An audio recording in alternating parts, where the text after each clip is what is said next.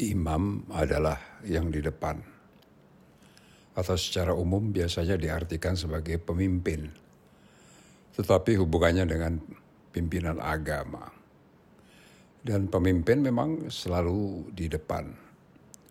Imam salat umpamanya berdiri di depan dan di belakangnya disebut makmum. Makmum mengikuti gerak dan bacaan imam imam biasanya dipilih yang paling memenuhi syarat, yang paling qualified. Begitu juga dalam imam salat berjamaah, diupayakan untuk dilakukan atau dipilih dari orang yang paling fasih lafaznya dalam ayat-ayat suci dan paling mumpuni ilmu agamanya. Dalam konteks Islam khususnya di kalangan ahlus sunnah para ahli ilmu agama yang terkenal seperti para pencetus berbagai mazhab fiqih diberi gelar imam seperti Imam Syafi'i, Imam Hanafi, Imam Hambali, Imam Malik dan sebagainya.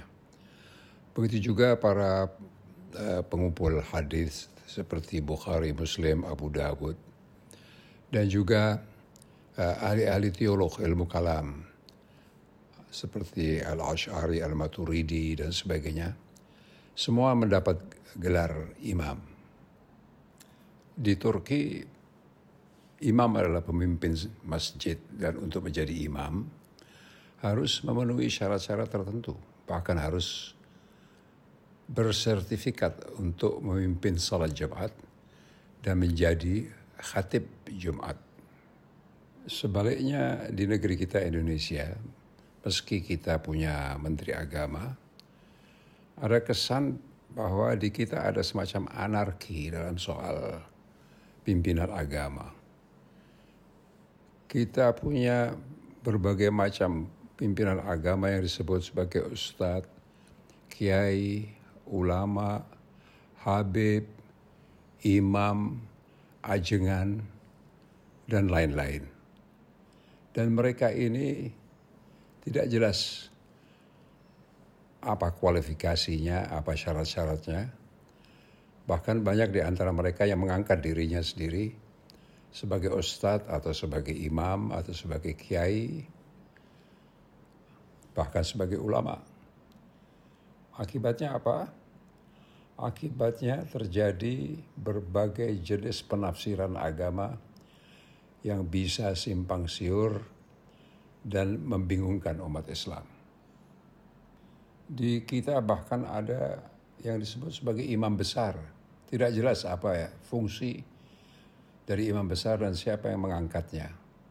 Sejauh yang saya ketahui ada paling tidak dua imam besar satu imam besar Masjid Istiqlal dan satu lagi yang menyebut atau disebut sebagai imam besar umat Islam. Imam besar Masjid Istiqlal barangkali disebut demikian karena Istiqlal adalah majelis atau masjid eh, terbesar di Indonesia. Tapi imam besar umat Islam tidak jelas siapa yang mengangkatnya dan apa fungsinya ada doa Nabi Ibrahim yang terkenal yang dikabulkan Allah yaitu meminta agar keturunannya diangkat sebagai imam dan doa itu dikabulkan sehingga ada 18 keturunan Nabi Ibrahim menjadi nabi. Oleh karenanya agama-agama besar, agama samawi itu diberi nama agama Ibrahimi, yakni agama Yahudi, Nasrani dan Islam.